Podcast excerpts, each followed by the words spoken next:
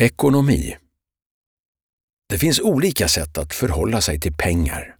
Och vi har tidigare varit inne på detta område när vi skrev om dagens utbildningssystem. Vissa personer ser pengar som något nödvändigt ont, medan andra älskar dem. Vad är dina tankar kring pengar? Den värld vi lever i styrs nästan helt och hållet av ekonomi. Mycket i vår omgivning handlar om vinster och kostnadseffektivisering.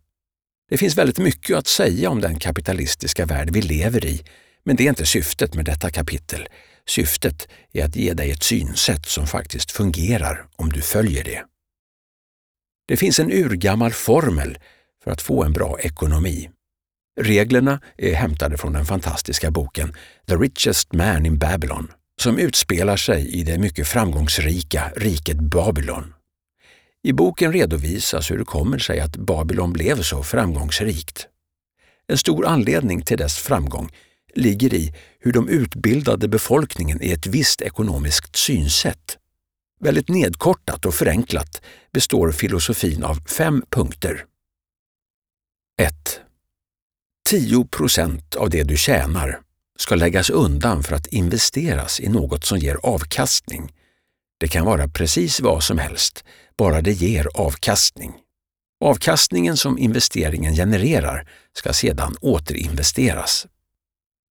2. Ha en återkommande inkomst, även om du har kommit långt i dina investeringar. Du ska alltså inte leva på avkastningen. 3. De 10 procenten som du ska investera ska du satsa i något som drivs av personer som har god kunskap inom det område som de driver företag inom. Det ska alltså inte vara en vän som har något spännande projekt inom ett ämne som denna inte har några kunskaper i. 4. Investera enbart i saker som du förstår dig på. Om du behöver ha en lång föreläsning i ämnet du tänker investera i är det inte läge att investera. 5.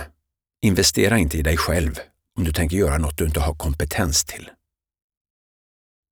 Dessa fem grundpelare har fungerat som en ekonomisk försäkring för många människor och i den nämnda boken finns fler tips kring hur du blir framgångsrik på det ekonomiska området. Nu betyder inte det att du automatiskt blir lycklig, men du kommer att ha en bättre ekonomi än idag. Det gäller naturligtvis inte om du redan idag har så god ekonomi att du varje månad undanvarar mer än 10% för investeringar med bra avkastning, men det förstod du säkert. Dock kanske du tillhör den grupp som ser på pengar som något du ska göra av med, vilket inte är helt ovanligt med tanke på hur vi blir påverkade av reklam och annat. Ta till exempel den retorik som används av det statliga bolaget Svenska Spel i en del av deras reklam.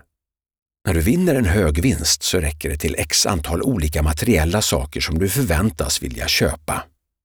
Det sägs ingenting om att din vinst, insatt på ett räntekonto, investerat i fastigheter eller i andra affärsområden med stor potential till avkastning, skulle generera långsiktiga intäkter. Pengarna verkar vara till för att göras av med, snarare än att förvaltas. Så om du är en av dem som inte har lärt dig något annat än att leva från lön till lön och om du därmed går på knäna de sista dagarna i månaden eftersom spenderarbyxorna, enligt konstens alla regler, satt på när lönen kom, så vill vi upplysa dig om att det finns andra sätt och att det är sätt som även fungerar för dig.